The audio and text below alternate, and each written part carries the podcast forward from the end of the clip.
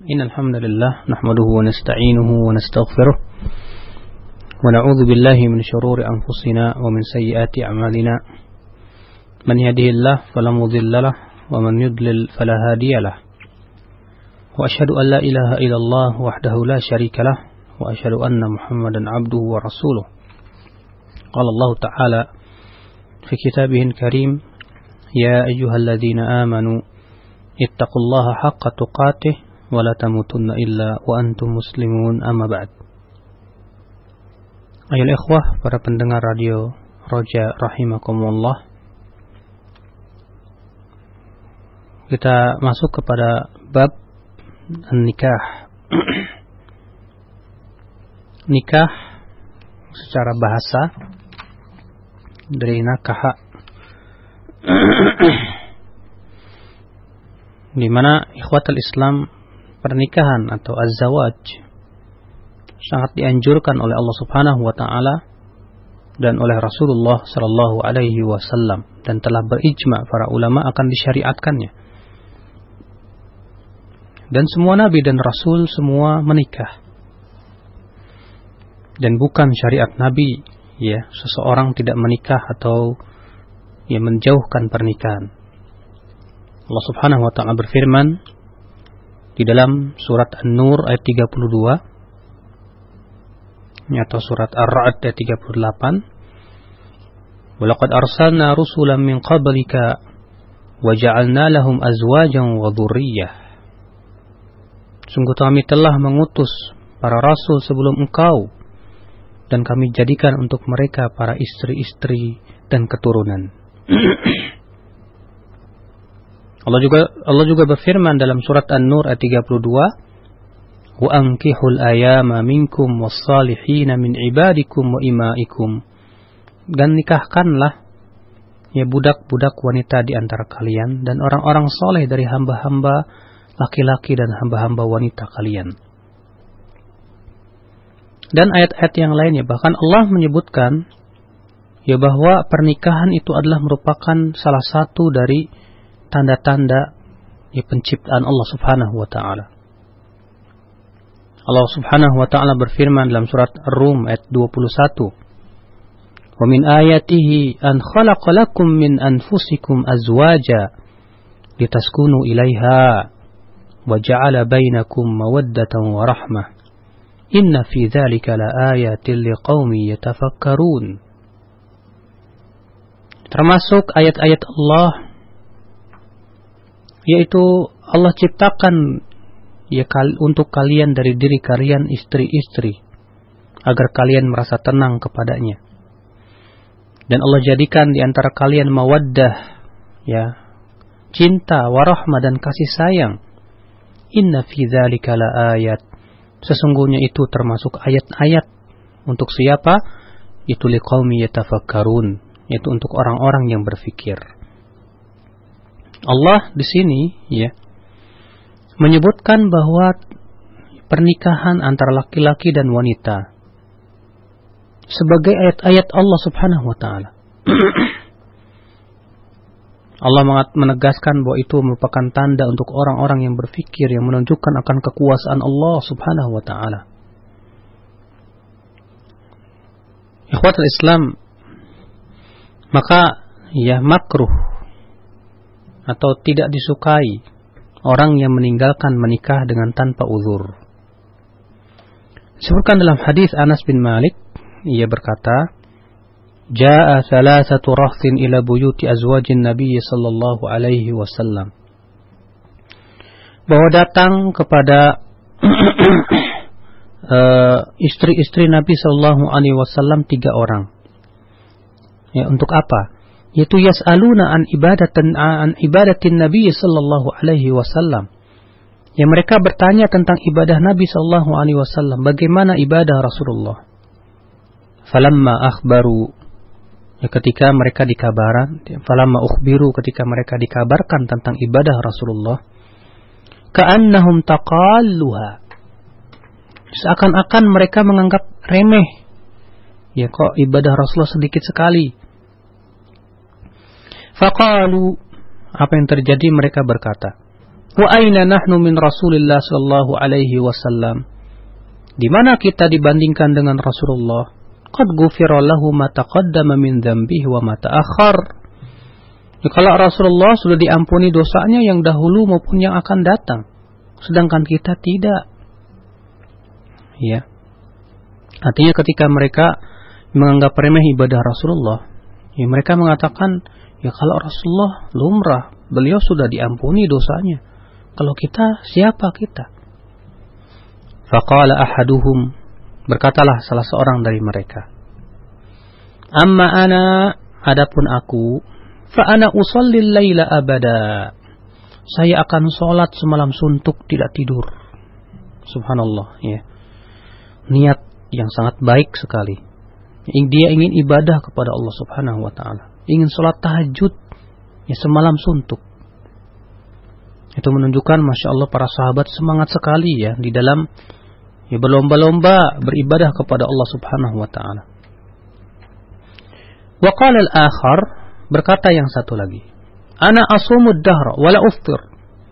Kalau saya saya akan berpuasa terus-menerus dan tak akan berbuka. Setiap hari berpu berpuasa. Wa qala akhar yang satu lagi berkata, "Ana a'tazilun nisa." fala atazawwaju abada. Saya tak akan mau menikah dengan wanita. Pokoknya saya mau ibadah saja kepada Allah Subhanahu wa taala. Subhanallah. Iya. Bayangkan. Ketiga orang sahabat ini begitu semangat sekali ya, ingin beribadah kepada Allah Subhanahu wa taala. Faja'a Rasulullah sallallahu alaihi wasallam. Lalu datanglah ya Rasulullah sallallahu alaihi wasallam. Beliau bersabda, "Antumul ladzina qultum kada wa kada." Kaliankah yang mengatakan begini dan begitu? Ama wallah. Inni la akhsyakum lillahi wa atqakum lah. Walakinni asumu wa aftir. Wa usalli wa arqud. Wa atazawwaju nisa. Faman raghiba an sunnati falaysa minni. Demi Allah, kata Rasulullah, aku ini orang yang paling takut kepada Allah dari kalian. Aku ini orang yang paling bertakwa kepada Allah. Akan tetapi aku berpuasa, aku berbuka. Aku sholat malam, aku pun tidur malam. Dan aku pun menikah.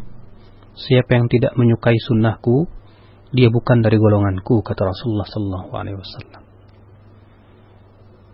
Ya akhi, ya hadis ini, masya Allah, kalau kita perhatikan,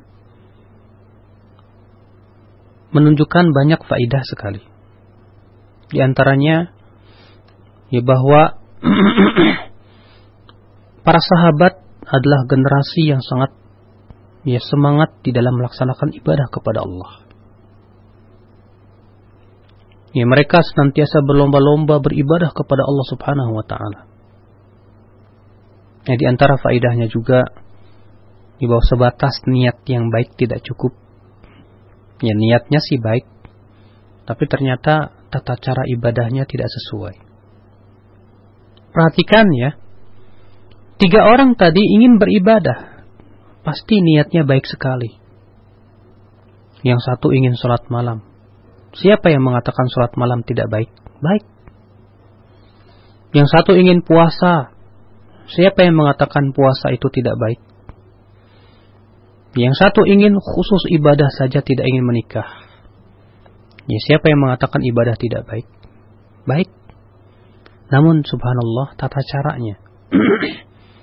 Salat tahajud semalam suntuk tidak tidur. Berpuasa terus menerus tidak berbuka. Ya. Tidak mau menikah khusus ibadah saja sudah.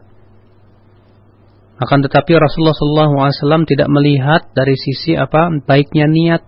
Niat yang baik tidak cukup. Rasulullah SAW melihat bahwa perbuatan mereka tidak sesuai dengan syariat yang beliau bawa. Makanya akhi yang namanya ibadah itu disyaratkan padanya dua. Yang pertama ikhlas, yang kedua yaitu mutaba'atu Rasulullah sallallahu alaihi wasallam. Ya, ikhlas dan sesuai dengan contoh Rasul. Kalau ikhlas tapi tidak sesuai dengan contoh Rasul, ya tidak akan diterima oleh Allah.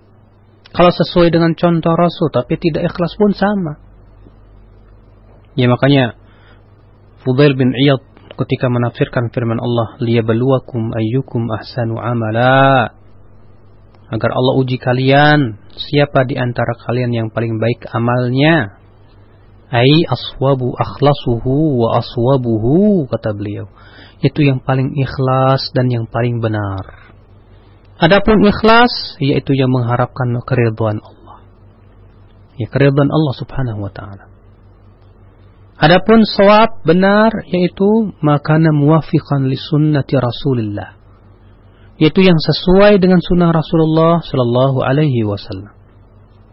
Maka dari itu ya akhi, Ya, tidak semangat ibadah saja tidak cukup.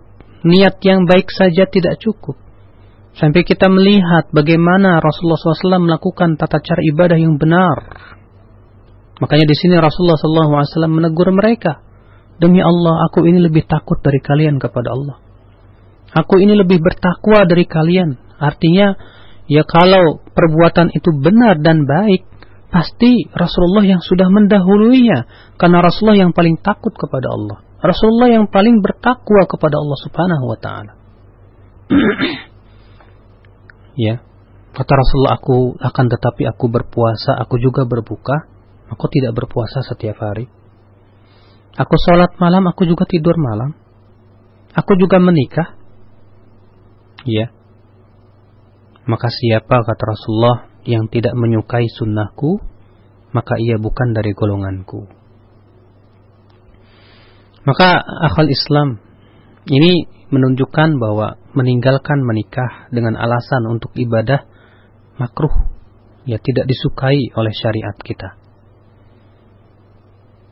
Islam ia menjama antara maslahat dunyawiyah dan maslahat ukhrawiyah. menikah di sana banyak sekali faidahnya. Besar sekali kemaslahatannya. Ya.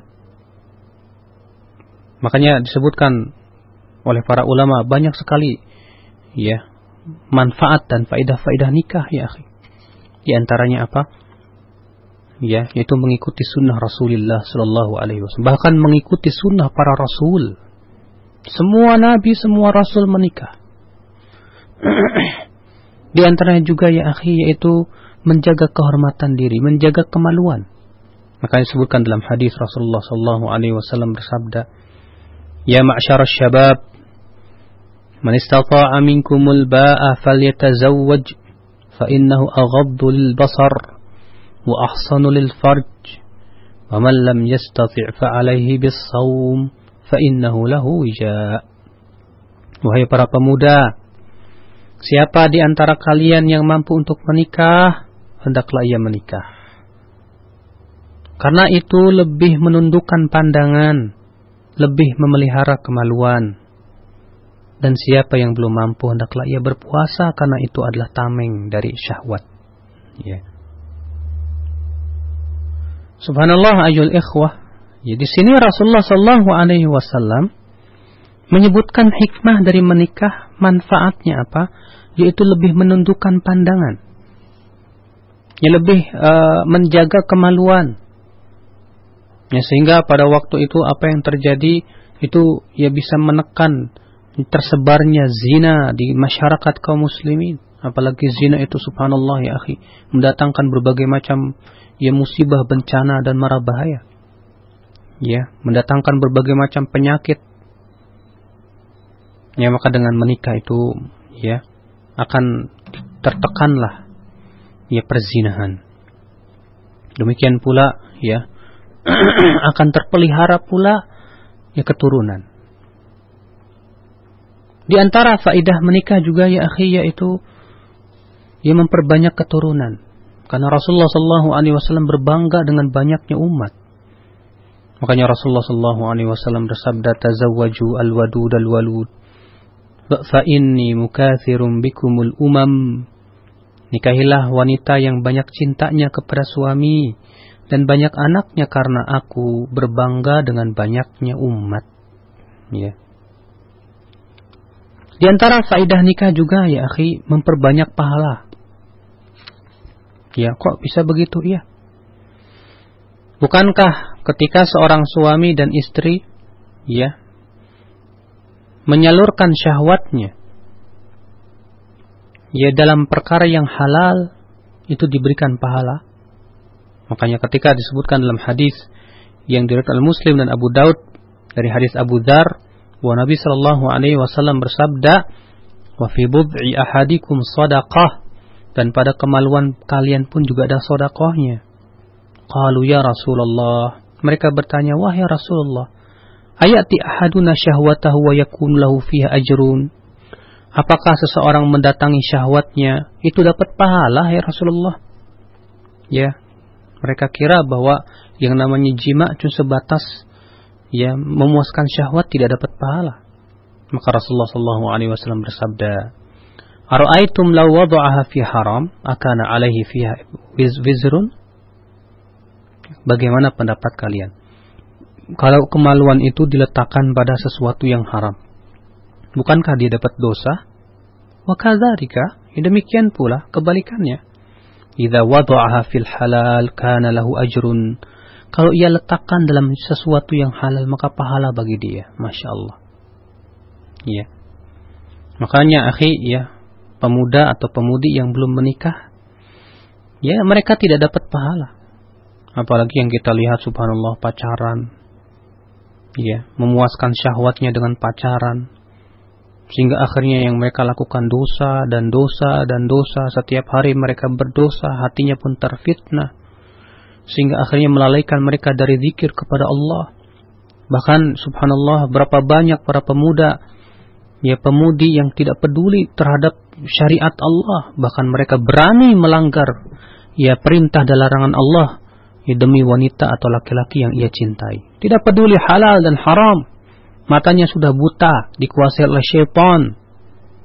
Sehingga terkadang mereka sudah tidak bermanfaat nasihat illa man rahimah rabbuh. Ya kecuali yang dirahmati oleh Allah Subhanahu wa taala.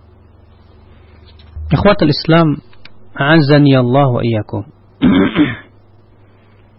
Di antara faidah nikah yaitu mencintai apa yang dicintai oleh Rasulullah sallallahu alaihi wasallam. Ya. Karena Rasulullah Shallallahu Alaihi Wasallam dicintakan kepada Rasulullah dua perkara dari dunia ini.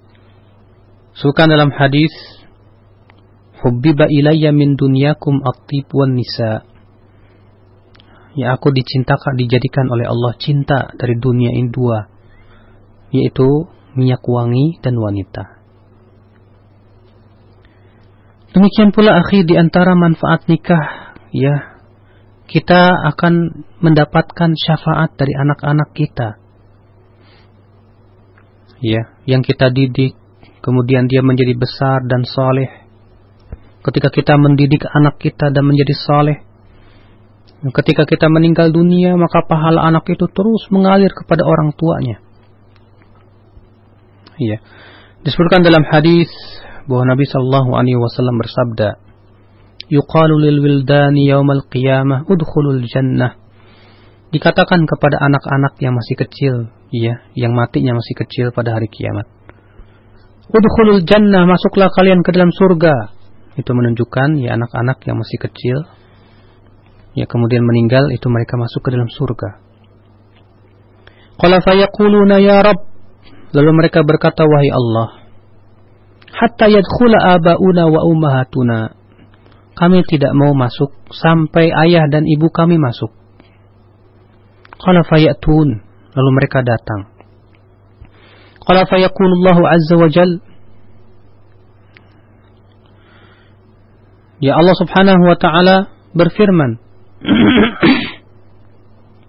Udkhulul jannah Masuklah kalian ke dalam surga Qala fayakul ya Rabb abauna wa umatuna Ya anak-anak itu berkata, tidak ya Allah.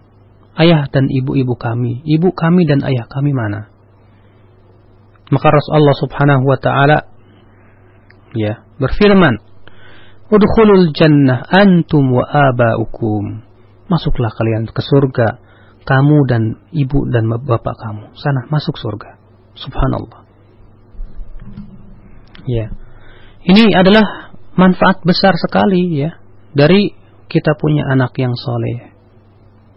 dan sudah kita sering bahas ya bahwa anak soleh yang kita didik kemudian menjadi besar dan dia menjadi saleh itu subhanallah pahalanya terus mengalir kepada orang tuanya Ya, Rasulullah sallallahu Allah Subhanahu wa taala berfirman wa alaysa lil insani illa ma sa'a. Dan ya seseorang tidak akan mendapatkan kecuali apa yang ia usahakan. Ya ketika ia berusaha anaknya dididik dan menjadi saleh, dia akan mendapatkan terus pahala anaknya itu. Bukankah anak itu hasil usaha orang tua? Iya. Karena Rasulullah SAW bersabda al-waladu min kasbi abi. Sesungguhnya anak itu kata Rasulullah hasil usaha orang tuanya. Ya. Dan tidak yang sampai kepada orang tuanya dari anak soleh bukan hanya sebatas doa ya akhi. Sebab kalau cuma sebatas doa yang sampai, apa bedanya kalau begitu anak soleh dengan orang lain? Atau orang lain pun juga kalau dia berdoa kepada ya kepada mayat yang ada di kuburan sampai. Akan tetapi ya yang sampai kepada orang tua dari anak yang soleh hasil dari didikan ya orang-orang yang saleh itu subhanallah itu apa seluruh amalannya mengalir kepada orang tuanya. Allahu akbar. Maka dari itu ini manfaat besar sekali. Di antara faidah pernikahan ya akhi ya ma fi zawaj min min min sukunin wa mawaddah. Ya, berupa ketenangan. Ya cinta dan kasih sayang antara suami dan istri. Ya.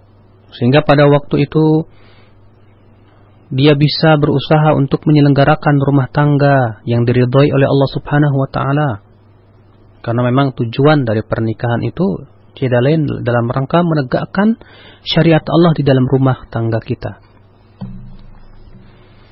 Ikhwatal Islam, a'azzani Allah wa iyyakum. Kemudian, apa hukum menikah? Para ulama bersepakat ijma bahwa menikah itu disyariatkan. Namun untuk hukumnya para ulama berbeda pendapat.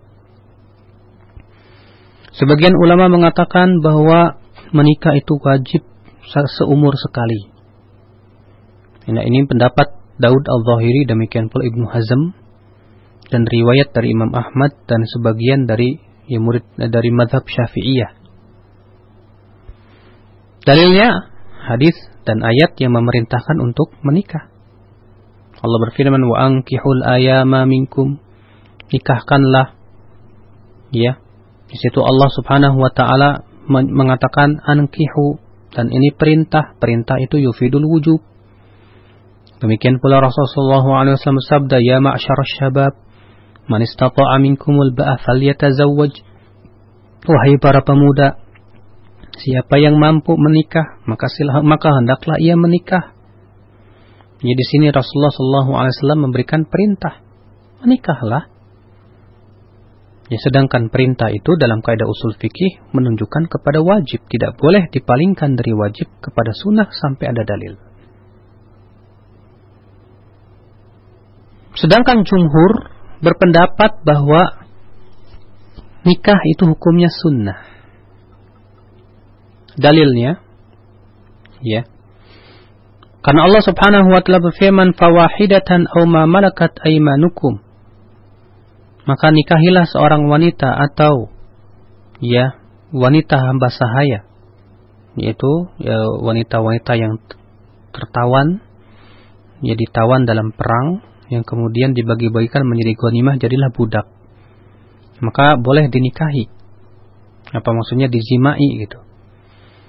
Kata mereka ya ketika Allah Subhanahu wa taala memberikan pilihan antara menikahi seorang wanita atau ya budak itu menunjukkan bahwasannya menikah itu tidak wajib. Kalaulah wajib pasti Allah Subhanahu wa taala memerintahkan untuk ya menikah tanpa ada pilihan yang lain.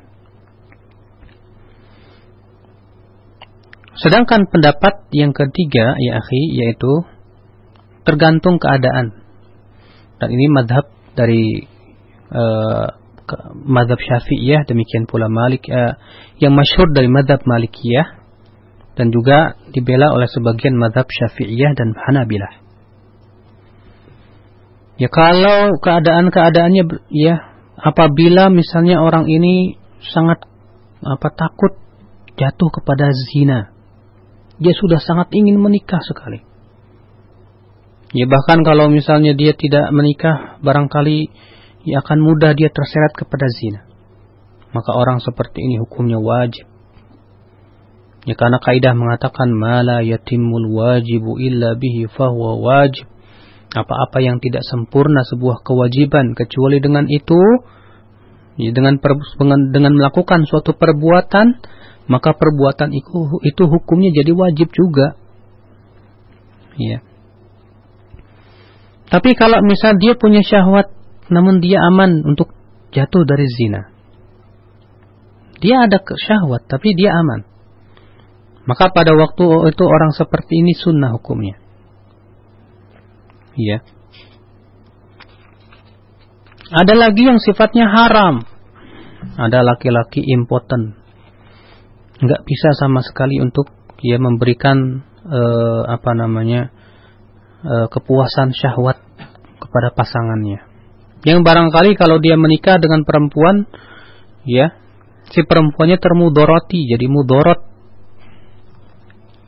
ya.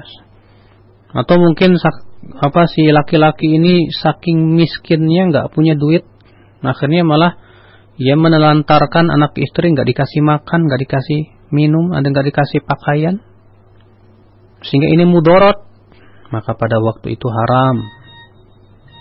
Ya, karena Rasulullah Shallallahu Alaihi Wasallam bersabda, la darar wa dirar.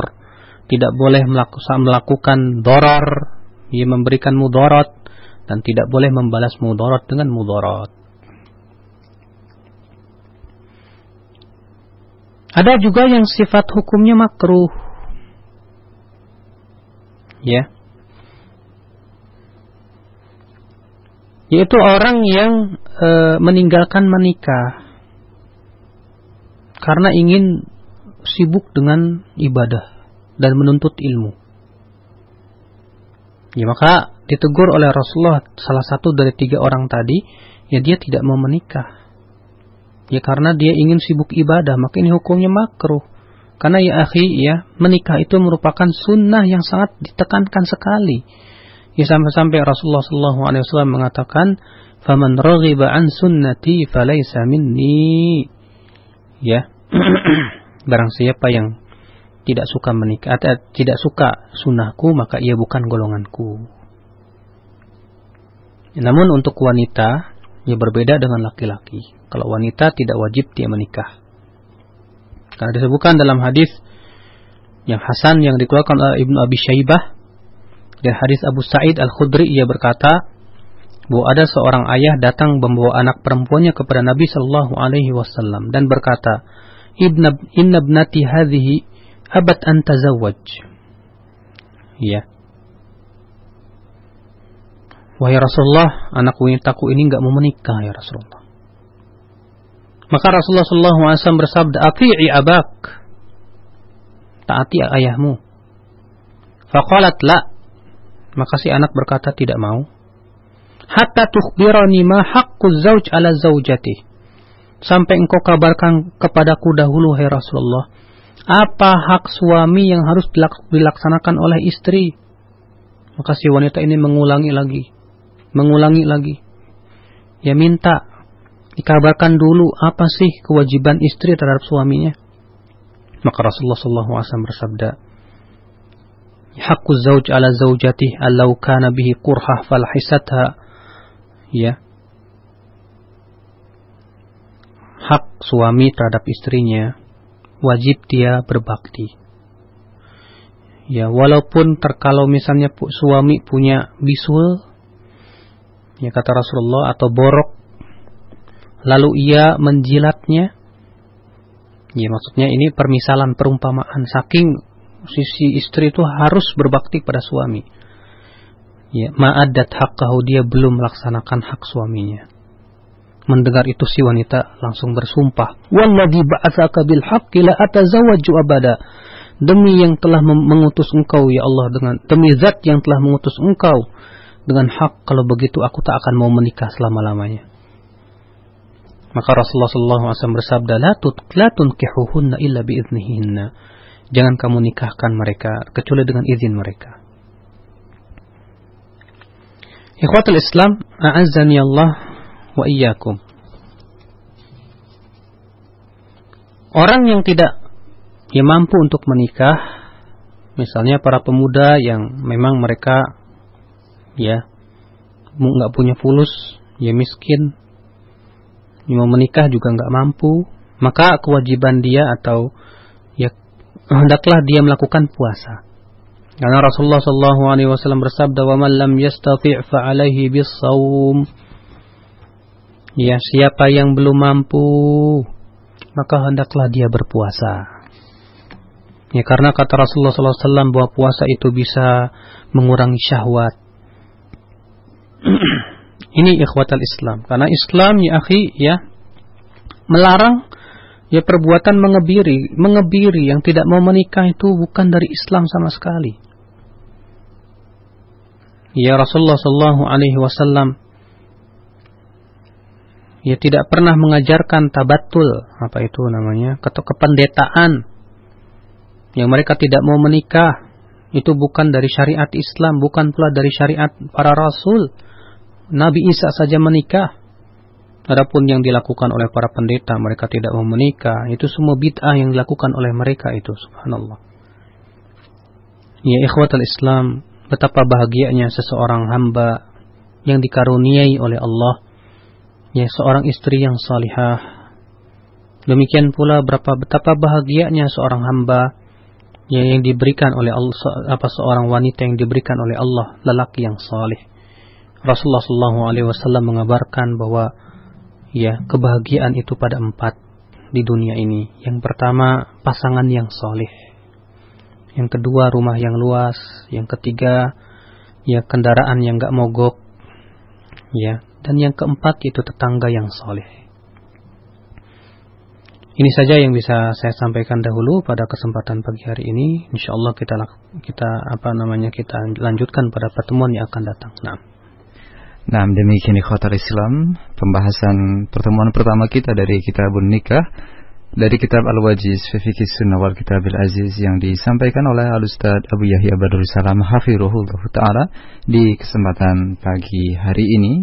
Selanjutnya ikhwatal Islam kami berikan kesempatan untuk Anda yang akan bertanya melalui telepon di 0218236543 untuk yang pertama di kesempatan pagi hari ini dan berikutnya kami pun akan angkat pertanyaan yang datang dari pesan singkat di 0819896543. Untuk yang pertama kami angkat dari penelpon berikut. Assalamualaikum.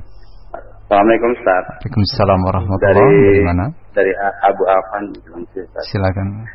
Ustaz mau nanya Ustaz, bagaimana hukumnya menikahkan anak uh, muslim atau Muslim hmm. Orang-orang dan bagaimana dengan ibadah-ibadahnya Ustaz. Assalamualaikum. Nah, Waalaikumsalam warahmatullahi wabarakatuh. Tadi kurang begitu jelas Ustaz. Halo Bapak. Ya, halo. halo. Dengan menikah dengan siapa Pak? Dengan semua kita menikahkan anak-anak kita hmm. dengan orang-orang Nasoro. Oh, Nasoro ya. Nah, laki-laki perempuan Pak? Laki-laki atau perempuan. Oh, gitu ya. Nah, dan bagaimana dengan hukum ibadah-ibadahnya Ustaz, apakah diterima atau tidak. Ya, taib, terima nah, kasih Abu Afan. Nah. Ya, syukuran Ustaz. Nah, silakan. Taib, yang pertama akhi. Allah Subhanahu wa taala melarang atau yang pertama, Allah mengizinkan para laki muslim menikah dengan ahlul kitab. Ya, Allah Subhanahu wa taala berfirman, "Al-yauma uhilla lakumut thayyibat wa ta'amul ladzina utul kitaba halal lakum wa ta'amukum halal lakum halal lahum." Wal muhsanatu minal mu'minati wal muhsanatu minal ladzina utul kitaba min qablikum.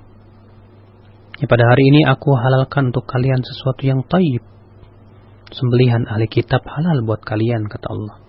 Dan sembelian kalian pun halal buat mereka Demikian pula wanita kaum mukminat dan kaum wanita dari ahli kitab. Ini khusus untuk laki-laki kalau laki-laki muslim boleh menikah dengan non apa dengan ahli kitab. Iya, non muslim yang ahli kitab. Adapun yang majusi dan yang lainnya itu tetap haram. Yang kedua bahwa untuk wanita muslimah haram menikah dengan laki-laki eh, kafir dengan ijma kesepakatan para ulama. Bahkan apabila terjadi pernikahan antara wanita muslimah dengan laki-laki yang kafir atau ahli kitab, maka tidak sah dan pernikahannya dianggap zina. Ini diharamkan oleh Allah Subhanahu wa taala oleh rasulnya. dan ini merupakan ijma para ulama. Yang ketiga, bahwa dahulu ketika Allah mengizinkan para laki yang menikahi ahli kitab ya ketika Islam kuat di mana seorang laki-laki, seorang suami bisa membawa istri dan anak-anaknya.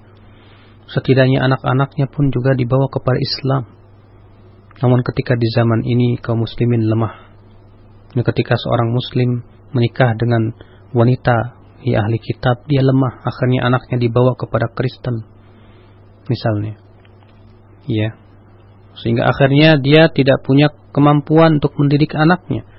Maka yang sepertinya dikhawatirkan Toh alhamdulillah masih banyak ya kaum muslimah, kaum muslimin yang belum menikah, yang mereka saleh, alhamdulillah. Ya kenapa harus cari ahli kitab? Ya terkadang subhanallah ya. Banyak perkara terutama di zaman ini orang-orang Nasoro yang berusaha untuk apa namanya mengkristenkan umat Islam. Ya pura-pura dia masuk Islam dulu.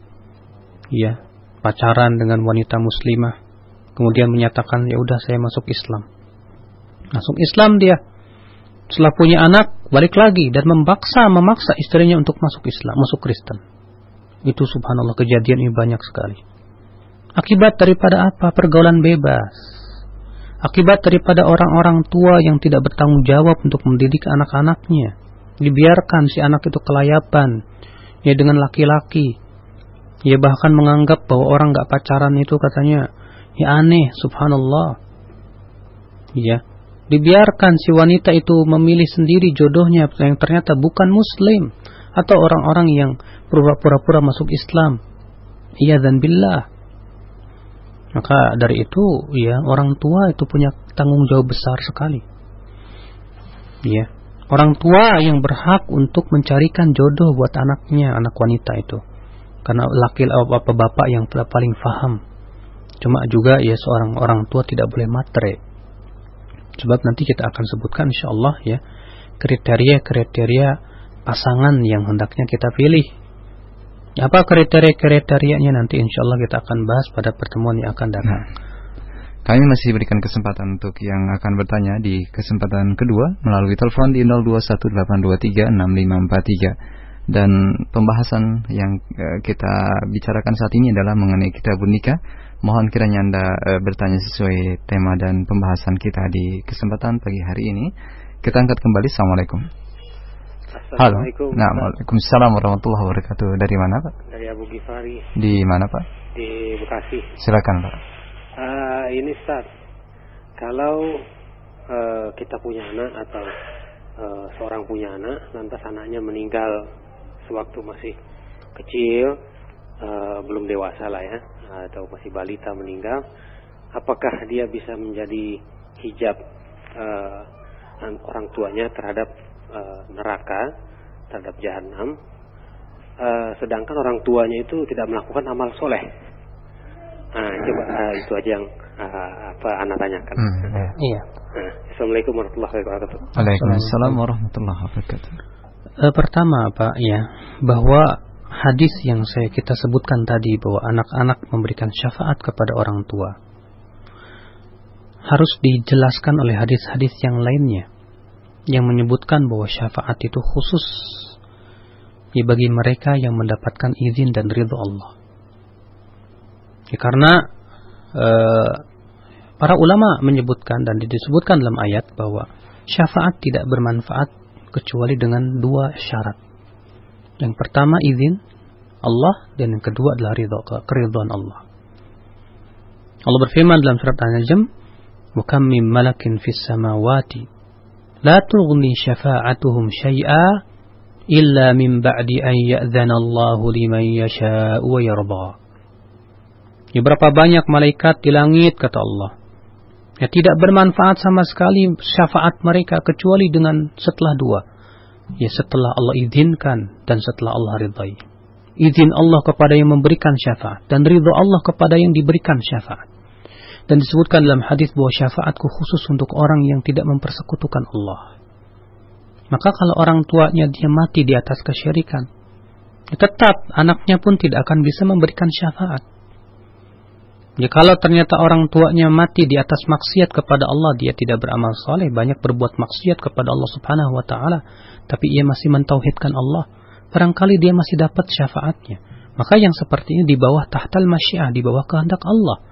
Allah berfirman, "Inna Allah la yaghfiru yushraka bih wa yaghfiru ma duna dzalika liman yasha." Sesungguhnya Allah tidak mengampuni dosa syirik dan Allah mengampuni dosa yang lebih rendah dari kesyirikan liman yasha yaitu untuk siapa yang Allah kehendaki. Makanya hadis ini ya dijabarkan oleh hadis apa dijelaskan oleh hadis dan ayat-ayat Al-Qur'an bahwa orang yang orang tua yang mati di atas maksiat yang besar itu di bawah kehendak Allah. Bisa jadi ya orang tua tadi mendapatkan syafaat anaknya. Akhirnya yang tadinya ia masuk ke dalam api neraka karena syafaat anaknya tersebut dia dikeluarkan dari dari dari api neraka setelah dia diazab dulu dibersihkan dari dosanya dengan syafaat anaknya tersebut akhirnya dia diangkat dari api neraka kemudian dimasukkan ke dalam surga Allahu a'lam Baik, selanjutnya dari penelpon yang ketiga berikut ada Ibu Sari di Larangan Ciledug yang bisa masuk kembali. Silakan. Assalamualaikum. Iya, assalamualaikum warahmatullahi. Waalaikumsalam warahmatullahi. Uh, Ustaz, ada punya teman dia itu waktu dia sedang sakit ya dan uh, ada uh, seorang ahliwan yang mau melamarnya dan ketika ia uh, ngecek ke dokter ya uh, dia sempat nazar kalau Ustaz jika ia difonis oleh dokter itu sembuh dia akan menerima lamaran dari ahliwan ini. Tapi kalau dia tidak sembuh uh, dia akan menolak lamaran. Namun uh, takdir kan dia uh, dokter menyatakan dia sembuh. Tapi di pertengah jalanan dia itu membatalkan nazarnya karena setelah mengenal Iwan ini uh, banyak yang membuat dia ragu sehingga dia membatalkan nazar itu untuk tidak uh, menunggu dari Iwan ini hmm, bagaimana hmm, Ustaz hmm. hukumnya. Yeah. Apakah nazar itu berlaku Ustaz? Assalamualaikum warahmatullahi wabarakatuh. Waalaikumsalam warahmatullahi wabarakatuh. Pertama bahwa nazar seperti ini tidak baik. Sebab dia tahu dari mana dia bahwa ikhwan itu adalah baik. Sampai dia bernadar kalau saya sembuh, saya akan terima dia lamaran ikhwan itu akan dia tahu ya bagaikan dukun bahwa ikhwan ini memang betul-betul baik buat dia. Tidak tidak boleh ya nazar seperti itu. Tapi kalau dia sudah bernazar seperti itu ya yang pertama wajib dia melaksanakannya. Tapi kalau ternyata setelah itu dia melihat ternyata ikhwannya ya meragukan dan banyak ya perkara-perkara yang membuat si wanita ini akhirnya mundur maka dia wajib bayar kafarat. Kafarat sumpah. Ya karena tidak melaksanakan nadar, dia wajib bayar kafarat. Apa kafarat sumpah? Yaitu ya e, apa namanya memberi makan 10 orang fakir miskin atau memberi pakaian kepada mereka. Kalau tidak ada, ya berpuasa tiga hari. Allahu a'lam. Nah, selanjutnya dari pertanyaan yang datang dari pesan singkat yang sudah begitu banyak masuk. Yang pertama kami akan pertanyaan dari Umulia di Bekasi. Ustadz, uh, bagaimanakah dengan uh, sebagian para ulama yang tidak menikah, semisal uh, Syekhul Islam Ibnu Taimiyah dan Imam Nawawi yang beliau tidak menikah? Apakah uh, hal ini uh, merupakan salah satu uh, uzur karena uh, uh, waktu beliau yang dihabiskan dengan menuntut ilmu, ataukah bagaimana Ustadz? Mohon penjelasannya. Tentunya, akhi, ya, ketika kita mendengar kisah-kisah para ulama yang mereka ternyata tidak menikah. Kewajiban kita adalah yang pertama, kita mengecek dulu kisah, maksudnya kehidupan mereka bagaimana. Barangkali mereka ada uzur. Iya. Ini yang harus kita cek. Yang pertama Imam Nawawi misalnya. Imam Nawawi memang beliau beruzur tidak menikah bukan karena tidak mau nikah, tapi beliau sangat miskin sekali. Saking miskinnya beliau tidak ya tidak bisa menikah. Ya, karena sudah kita sebutkan tadi ya kalau orang yang tidak bisa memberikan apa namanya uh, uh, apa namanya nafkah ya kepada istri sehingga akhirnya termudoroti ini tidak boleh. Imam Nawawi rahimahullah kebetulan miskin. Sehingga ya beliau juga ya apa namanya sibuk dengan mengajar ya ilmu dan yang lainnya. Syekhul Islam Ibn Taimiyah beliau punya budak tawanan ya, budak-budak hamba sahaya. Yang beliau memang tidak menikah juga. Ya karena keadaan-keadaan yang mengharuskan beliau akhirnya beliau sibuk dengan dakwah dan dakwah dan dakwah. Yang kedua yang harus kita ketahui bahwa ya panutan kita bukan para ulama. Panutan kita adalah para rasul. Ya Rasulullah Shallallahu Alaihi Wasallam yang menganjurkan kita menikah dan dipraktikkan oleh para sahabat Rasulullah, dipraktikkan oleh tabiin dan tabiut tabiin, dipraktikkan oleh imam yang empat, Adapun perbuatan individu sebagian ulama, ya, itu yang pertama kita kasih uzur dulu. Barangkali keadaan mereka tidak menyebab, menyebabkan mereka tidak bisa menikah. Yang kedua, kita ya wajib yakini bahwa para ulama bukan ya dalil di dalam pensyariatan. Nah, Tapi selanjutnya kami angkat pertanyaan yang datang dari pesan singkat kembali dari begitu banyak pertanyaan yang hampir sama Ustaz.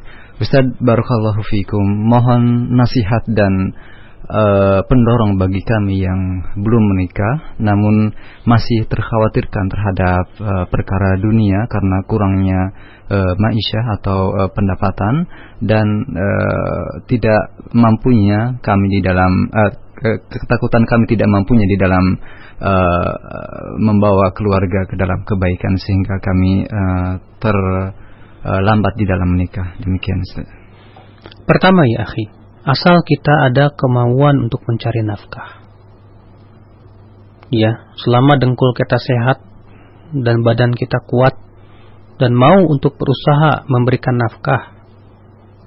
Ya, maka pada waktu itu bismillah tawakal ala Allah hendaklah dia menikah.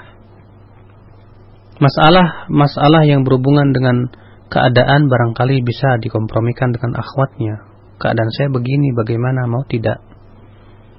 Bukankah di zaman Rasulullah Shallallahu Alaihi Wasallam disebutkan dalam hadis yang sahih yang dikeluarkan oleh Imam Nasai dan yang lainnya bahwa ada seorang wanita yang datang kepada Rasulullah dan menghibahkan dirinya. Namun Rasulullah tidak berkenan. Maka kemudian seorang pemuda berkata, Ya Rasulullah kalau begitu nikahkan dia dengan aku. Maka Rasulullah SAW berkata, apa mahar engkau? Aku tidak punya apa-apa ya Rasulullah. Ya. Akhirnya kata Rasulullah, ya udah cari mahar walaupun ya cincin dari besi. Ternyata nggak dapat juga. Kata Rasulullah, apakah engkau punya hafalan Quran? Iya, aku punya. Ya udah, aku nikahkan engkau dengan dia dengan mahar, ajarkan hafalan Quranmu itu. Iya, keadaan buat mereka yang tidak ini. Lihat, sahabat ini nggak punya apa-apa tapi berani menikah. Ya asal dia berusaha terus mencari nafkah. Bukankah Allah Subhanahu wa taala berfirman, "Iyakunu fuqara yughnihimullahu min fadli." Jika mereka fakir, Allah akan kayakan dengan karunia-Nya. Banyak ya kisah-kisah para pemuda ketika menikah tidak punya apa-apa. Tapi ia tetap punya usaha, keinginan untuk terus apa? Dia terus bekerja. Yang namanya kerja kan gak harus di kantor, gak harus di pabrik, ya dia lihat kita lihat dia seorang pemuda ini ya apa saja yang penting halal dia kerjakan. Ya jualan rujak ya jualan madu jualan buku yang halal yang penting dia bisa memberikan nafkah kepada istrinya. Makanya pada waktu itu cari juga istri yang kona yang mau untuk menerima keadaan seadanya. Ya alhamdulillah kalau didapat istri yang kona makanya ketika melamar akhwat juga ya beritahukan bahwa keadaan saya begini. Ya jangan kebalikan ini udah susah ya pengen cari akhwatnya yang mantep lagi. Ya ngaca dong mas. Selanjutnya dari uh, ya penanya melalui pesan singkat kembali dari Pak Hadi di Bogor untuk yang berikut. Ustaz Barakallahu Fikum jika mempunyai anak perempuan manakah yang lebih baik? Apakah kita upayakan untuk menikah lebih cepat ataukah kita uh, menunggu sekolah dan uh, menyelesaikan uh, masa belajar dari anak perempuan tadi. Mohon penjelasannya. tergantung keadaan si anak perempuan kita itu. Kalau anak perempuan kita kita lihat dia insya Allah aman dari fitnah. Dan kita lihat kedewasaannya juga kurang. Karena untuk menikah memang butuh persiapan-persiapan. Yang bukan cuma sebatas fisik namun juga mental. Biarkan aja dulu ya sambil kita sekolahkan apa maksudnya kita didik dia, kita sekolahkan di tempat-tempat yang aman. Ya. Bila keadaannya demikian gak apa-apa. Tapi kalau kita lihat si wanita, anak wanitanya sudah mulai gelagat-gelagat yang tidak baik, udah SMS SMS-an sama laki-laki, ya sudah mulai ada ya, pokoknya mencurigakan lah kok suka ngelamun, mikirin siapa ini. Udah gitu keluar jerawat lagi, aduh, wah ini bahaya. Maka seorang tua yang bijak, ya khawatir jangan sampai fitnah yang menimpa hati anaknya. Maka ya kalau dia punya anak wanita seperti ini yang sudah mulai terlihat ya gelagat-gelagat yang menjurus kepada fitnah, lebih baik secepatnya dia nikahkan. Ya karena ya bukankah rusak dan hancurnya sebuah bangsa karena disebabkan oleh wanita-wanita. Maka wanita-wanita yang sudah mulai ganjen, sudah mulai ini ya hendaknya ayah-ayah dan orang tuanya juga berhati-hati, lebih baik langsung nikahkan saja. Nah, Baik, selanjutnya dari penelpon kembali ada Pak Mujiono. Kami persilakan. Assalamualaikum. Salam, Ustaz mau nanya. Ya, silakan. Ini agak nyimpang sedikit, Ustaz. Saya ada teman nanya sama saya, Ustaz. Saya bisa nggak bisa nggak bisa jawab. Apa arti haram, Ustaz? Masalahnya, babi haram, tapi ada orang berbondong-bondong ke Masjidil Haram. Lah, arti haram itu sebenarnya apa, Ustaz? Terima kasih. Ya, terima kasih, Pak. Waalaikumsalam warahmatullahi wabarakatuh. Ini jadi banyak pertanyaan dari orang awam, Ustaz. Nah. Iya, haram itu artinya dilakukan dapat dosa. Hmm. Ya, dilakukan dapat dosa, ditinggalkan dapat pahala. Itu ya definisi yang ringannya lah gitu. Hmm. Maka Allah Subhanahu wa taala mengharamkan e, babi. Berarti kita wa haram untuk ya makan babi. Masjidil Haram disebut haram karena kita diharamkan di sana berbuat maksiat. Hmm diharamkan juga oleh Allah Subhanahu wa taala untuk membunuh hewannya di sana. Nggak boleh kita membunuh ya hewan-hewan yang ada di masjid di, di daerah haram, di tanah haram itu. Makanya disebut dengan Masjidil Haram, disebut juga tanah haram. Ya. Kenapa? Karena ia disucikan dari orang-orang kafir. Allah mengharamkan orang kafir masuk ke, ke tanah haram. Maka disebut dengan haram. Ya bukan berarti makanannya jadi haram, tidak. Tapi tanahnya yang disuci diharamkan oleh Allah dari orang-orang kafir. Ya, di sana diharamkan untuk orang-orang beriman ya untuk membunuh uh, binatang-binatang uh, buruannya seperti burung dan yang lainnya tidak boleh. Mm -hmm. Bahkan juga disebutkan dalam hadis Rasulullah mm -hmm. SAW melarang untuk ya mencabut pepohonannya demikian pula ia mematahkan pepohonan-pepohonan yang ada di sana kecuali kalau hmm. darurat Allah. Ya. Nah, Demikian untuk Pak Mujiono, semoga bermanfaat. Berikut dari penelpon kembali ada Ibu Lina di Tangerang, silakan Bu. Assalamualaikum Waalaikumsalam warahmatullahi Mohon maaf Ibu dikecilkan radio monitornya. Silakan. Uh, apa hukumnya jika suami tidak mendidik anak secara uh, Islam hmm. uh, karena suatu hal gitu? Suatu Jadi hal, tidak bisa bersama-sama tidak di... bisa bersama-sama istri saya tidak bisa jadi beda pendapat gitu suami itu lebih yang ke duniawi hmm.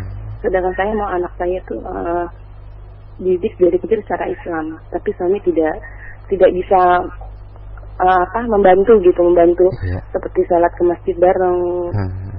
gitu apa hukum suami yang tidak bisa mendidik anak secara Islam syar'i gitu. Baik, terima kasih, terima kasih. Ibu. Nah. Assalamualaikum. Waalaikumsalam warahmatullahi wabarakatuh.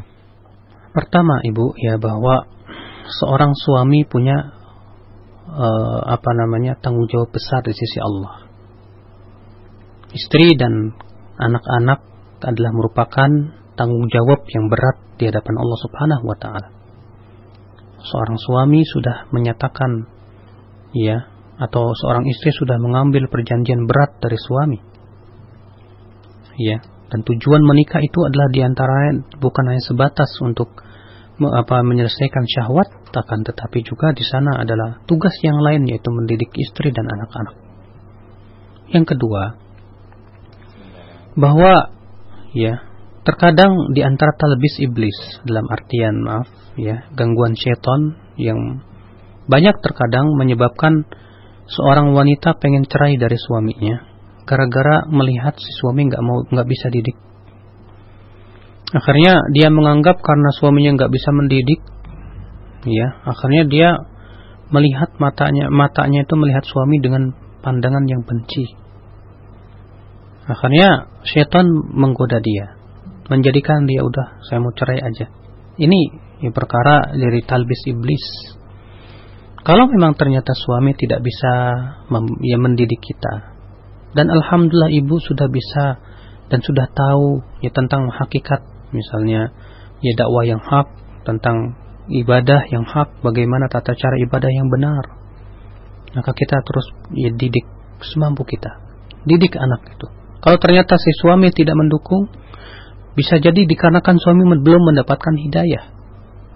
Jadi dia belum dapat hidayah banyak juga ya ikhwah-ikhwah atau ya suami-suami yang udah lama ngaji tapi dalam pendidikan kepada anak ya juga sama kurang.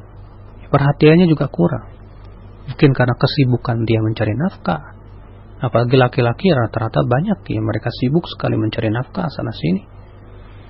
Maka pada waktu itu ya seorang istri ya berusaha semampu mungkin. Yang pertama adalah apa namanya mendidik anaknya, yang kedua adalah berusaha untuk memberikan hidayah kepada suaminya tersebut. La yahdiyallahu bika rajulan wahidan khairul laka min humurin na'am. Allah memberikan hidayah kepada seseorang melalui engkau itu lebih baik daripada unta merah. Yeah. Ya, yang sangat besar sekali pahalanya si Allah Subhanahu wa taala. Mm. Maka dari itu kalau saya kalau ibu bertanya kepada saya bagaimana hukumnya? Saya katakan jelas suami seperti itu tidak bertanggung jawab. Akan tetapi juga ibu harus melihat. Barangkali karena dia tidak men, dia dia tidak paham, dia masih bodoh. Dia belum dapat hidayah dari Allah Subhanahu wa taala. Ya mungkin dahulu ibu ketika belum dapat hidayah pun juga mungkin sama orientasinya selalu pengen dunia. Tapi ketika mendapatkan hidayah, ya ibu sudah dapat hidayah alhamdulillah. Ya, tidakkah ibu ingin juga ya suami dapat hidayah? Coba usahakan bagaimana caranya. Ya, ajak baik-baik ngobrol tentang kehidupan, hakikat kehidupan. Ya. Untuk apa sih Mas kita ya hidup ini tujuan kita apa sih? Apa sebatas kita ini cuma di dunia?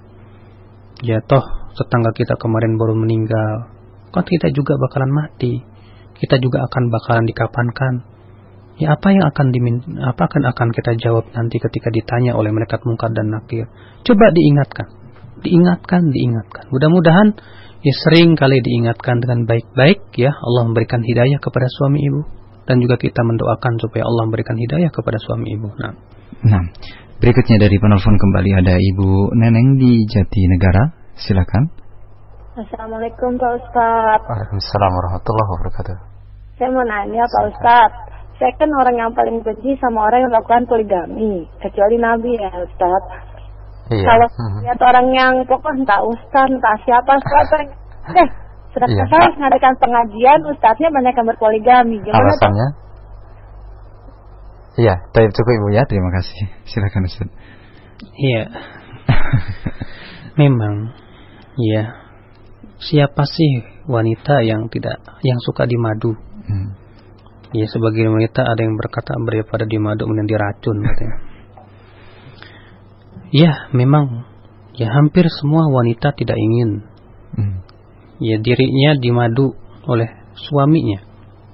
Tidak ada saingan ya perempuan lain yang merebut ya suaminya tersebut. Hmm. Akan tetapi ibu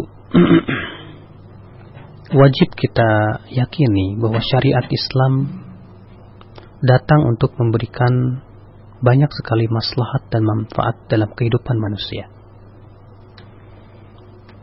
Cobalah ibu merenung ya bahwa Allah menciptakan laki-laki dan Allah menciptakan wanita. Tentunya ya seorang laki-laki diberikan oleh Allah kelebihan dan wanita pun diberikan oleh Allah juga kelebihan-kelebihan yang tidak dimiliki oleh laki-laki. Mengapa Allah Subhanahu wa taala menurunkan syariat bolehnya berpoligami? Pasti itu karena ada maslahat yang agung dan besar. Ya, karena wanita terkadang sibuk dengan anak. Ya, sehingga terkadang ya kesibukannya mengurus anak ya menyebabkan barangkali dia kurang perhatian terhadap suami. Sementara suami selalu ya apa namanya keinginan untuk melaksanakan hajat syahwatnya selalu besar, selalu ingin. Jadi demi, antara juga lah perempuan ya diberikan oleh Allah waktu yang sangat singkat. Barangkali 40 tahun sudah menopause. Atau lebih dari itu sudah menopause. Sementara laki-laki sampai 60 tahun pun masih butuh. Ya. Bahkan seorang laki-laki yang tidak dikeluarkan syahwatnya itu bisa menyebabkan kanker prostat. Ya, berbahaya untuk dirinya. Sebagaimana banyak kisah-kisah yang sampai yang disampaikan kepada saya dari para dokter ya ini kenapa? Karena ini adalah untuk kemaslahatan yang Allah Maha tahu. Dan Allah yang menciptakan ya. Laki-laki dan Allah menciptakan wanita dan Allah mensyariatkan dan pensyariatan yang agung. Makanya Allah Subhanahu wa taala mengatakan bagi mereka yang takut tidak berbuat adil cukup satu saja. Artinya Allah mengingatkan bahwa untuk ya poligami pun juga bukan sebatas ingin apa namanya kepuasan syahwat saja. Namun di sana ada konsekuensi, tanggung jawab dan yang lainnya. Berapa banyak terkadang kita lihat ya, para laki-laki yang dia semangat untuk poligami namun ternyata setelah dia berpoligami dia tidak bisa melaksanakan tugasnya sebagai seorang suami. Tidak bisa berbuat adil. Banyak juga ya ikhwah setelah poligami malah ya dia tidak mampu mentalnya tidak kuat dan yang lainnya. Ya karena akhirnya bisa jadi ya seseorang melihat atau membenci sesuatu karena mungkin kenyataan yang ada di lapangan misalnya mengecewakan. Iya. Ya banyak orang apa poligami kok akhirnya gini, akhirnya hmm. gitu, akhirnya gini. Jadi akhirnya dia tidak suka. Hmm. Ini banyak faktor. Maka dari itu ibu ya cobalah ibu merenung tentang masalah hakikat di agama Allah yang agung ini. Hakikat daripada syariat Allah Subhanahu wa taala yang penuh hikmah hmm. dan indah ini hmm. yang Allah turunkan dari Maha Allah yang Rabb yang Maha Indah yang paling tahu tentang kemaslahatan kepada hamba-hambanya. Allah Allah. Berikutnya kami angkat pertanyaan dari pesan singkat kembali dan ini juga pertanyaan yang datang e, dari beberapa pertanyaan yang hampir sama. Ustadz e, sebagai seorang pemuda yang belum menikah, e, kami tidak mampu dan atau tidak bisa menahan syahwat. Bahkan setelah e, kami berupaya untuk e, puasa e, sekalipun, namun masih tetap syahwat itu begitu besar kami rasakan. Pertanyaannya dalam hal ini apakah boleh e, uh, saya atau kami melakukan onani dan uh, apakah uh, hukum onani apabila dalam kondisi yang sangat sangat uh, darurat dan tidak bisa menahan syahwat? Mohon penjelasannya. Yang pertama akhi bahwa kewajiban orang seperti antum itu harus segera menikah. Naam tawakal Allah. Ya segera antum cari pekerjaan yang halal ya entah itu dagang bakso atau dagang rujak atau dagang apa kayak hmm. terserah lah hmm. yang jelas antum berusaha untuk punya ya penghasilan walaupun sedikit ya sebulan cuma misalnya 500 ribu atau lebih dari itu atau kurang atau ya setidaknya cukup lah untuk hidup berdua dulu hmm. ya yang kedua bahwa onani tidak memberikan penyelesaian yang baik buktinya ya mungkin kalau engkau onani misalnya engkau justru malah ketagihan lagi. Besok melakukan lagi, besok melakukan lagi. Sampai kapan? Ya. Sementara perbuatan itu mudarat buat kesehatan tubuh antum. Ya, pada Allah Subhanahu wa taala menyebutkan ya bahwasannya apa siapa yang mengharapkan selain istri atau hamba sahaya faulaika humul adun maka mereka itu telah melampaui batas dan onani itu sama saja ya apa namanya mengharapkan selain istri dan selain hamba sahaya. Makanya para ulama mengatakan bahwa onani itu hukumnya ya maksiat, haram hukumnya. Barangkali engkau berkata tapi ini darurat Ustaz. Darurat itu kalau memang ternyata betul-betul antum ya sangat khawatir masuk dan jatuh kepada zina. Dan tidak ada jalan lain. Kalau masih ada jalan lain seperti menikah segera, segera menikah segera. Iya. Maka dari itu semoga Allah Subhanahu wa taala memberikan bimbingan kepada para pemuda kaum muslimin. Iya. Dan agar mereka diberikan kekuatan oleh Allah Subhanahu wa taala ya untuk menjaga pandangan mereka ya untuk juga menjaga kehormatan dan agama mereka dan juga menjaga syahwat mereka dan dibimbing oleh Allah Subhanahu wa taala ya kepada apa yang Allah ridhai. Nah. Nah, berikutnya kami angkat pertanyaan yang datang dari pesan singkat juga dari beberapa pertanyaan yang eh, saya jama. Ustaz, bagi kaum muslimah yang belum mendapatkan jodoh sementara usia pun e, semakin banyak juga dikondisikan dengan e, kondisi akhwat yang tidak bebas atau tidak mendapatkan informasi yang banyak terhadap e, ikhwan yang hendak menikah, bagaimanakah nasihat Ustaz untuk mereka agar bisa mendapatkan jodoh yang sesuai? Allah Subhanahu wa taala berfirman, "Wa may yattaqillaha yaj'al lahu makhraja wa yarzuqhu min haitsu la yahtasib." Wa may yatawakkal 'ala Allah fa huwa hasbuh. Innallaha balighu amrih. Qad ja'alallahu likulli syai'in qadra. Barang siapa yang bertakwa kepada Allah, Allah akan berikan jalan keluar kepadanya dan Allah akan berikan rezeki dari arah yang tidak disangka-sangka. Dan siapa yang bertawakal kepada Allah, maka Allah akan cukupi ia. Sesungguhnya Allah akan menyampaikan perintahnya. Iya, dan Allah telah menjadikan untuk segala sesuatu itu kadarnya masing-masing, takdirnya masing-masing. Maka dia tetap beribadah kepada Allah, tetap dia bertakwa kepada Allah, tetap dia menjaga kehormatannya. Iya, karena segala sesuatu itu sudah Allah takdirkan, Allah sudah tuliskan dalam lahul mahfud. Yang kedua, ya hendaknya juga ikhwah bertawun alal birri wa taqwa, yaitu dalam kebajikan dan takwa. Misalnya kalau kita tahu seorang akhwat bahwa akhwat ini belum dapat jodoh juga. Ya, dan dia tahu bahwa tidak mungkin seorang akhwat menjajak-jajakan diri dan menawarkan diri. Hmm. Maka hendaklah ia coba membantu yang sudah punya suami, coba mas, tolonglah dia. Ya carikan jodoh yang baik. Coba ini ta'awun alal birri wa taqwa dengan cara seperti ini mudah-mudahan ya saling membantu, saling membahu, saling merasakan penderitaan temannya. Ya kalau ternyata sudah diusahakan oleh temannya nggak dapat juga, hendaklah si akhwat itu terus sabar, sabar. Allah ingin uji dia. Ya. Kesabaran itu terus pasti akan memberikan hasil entah itu di dunia ataupun di surga kelak. Allahu a'lam. Nah, untuk selanjutnya kami angkat pertanyaan yang uh, datang dari penelpon di 0218236543. Halo, Assalamualaikum. Halo, Assalamualaikum. Waalaikumsalam warahmatullah. Dengan siapa dari mana? Ustaz. Dari mana, Pak? Dari Depok, Pak nah. Abu Amar. Silakan, Pak. Ustaz, saya mau tanya tadi Ustaz bilang uh, makanan ahli kitab itu halal buat kita. Ya. Nah kebetulan makanan ahli kitab itu halal buat kita. Hmm. Sembelihannya Pak? Sembelihannya Ustaz ya. Iya. Nah saya pernah tinggal di negara kafir ya Ustaz ya. Hmm. Nah di sana rata-rata makanannya itu nggak disembeli atas sama Allah. Hmm. Akhirnya saya bilang bagaimana nih Ustaz? Cukup baca Bismillah, entah makan dia bilang. Hmm. Itu aja Ustaz. Jadi mereka tidak membaca Bismillah Pak? Iya. Dan Kenapa Bapak sudah maksudnya Bapak sudah melihat langsung bahwa mereka menyembelihnya tidak menyebut bismillah gitu. Orang orang kafirnya uh, Kenapa ya, uh, Nasrani atau uh, apa? Orang kafirnya Nasrani. Nasrani. Uh -huh. Dia dia dia disembelihnya pakai pakai pakai mesin ya saat iya, hmm, ya. Iya, hmm. Dan jadi pertanyaan halal nggak saat kita makan makanan itu? Iya. Iya. Jazakallah khair. Assalamualaikum. Waalaikumsalam warahmatullahi wabarakatuh.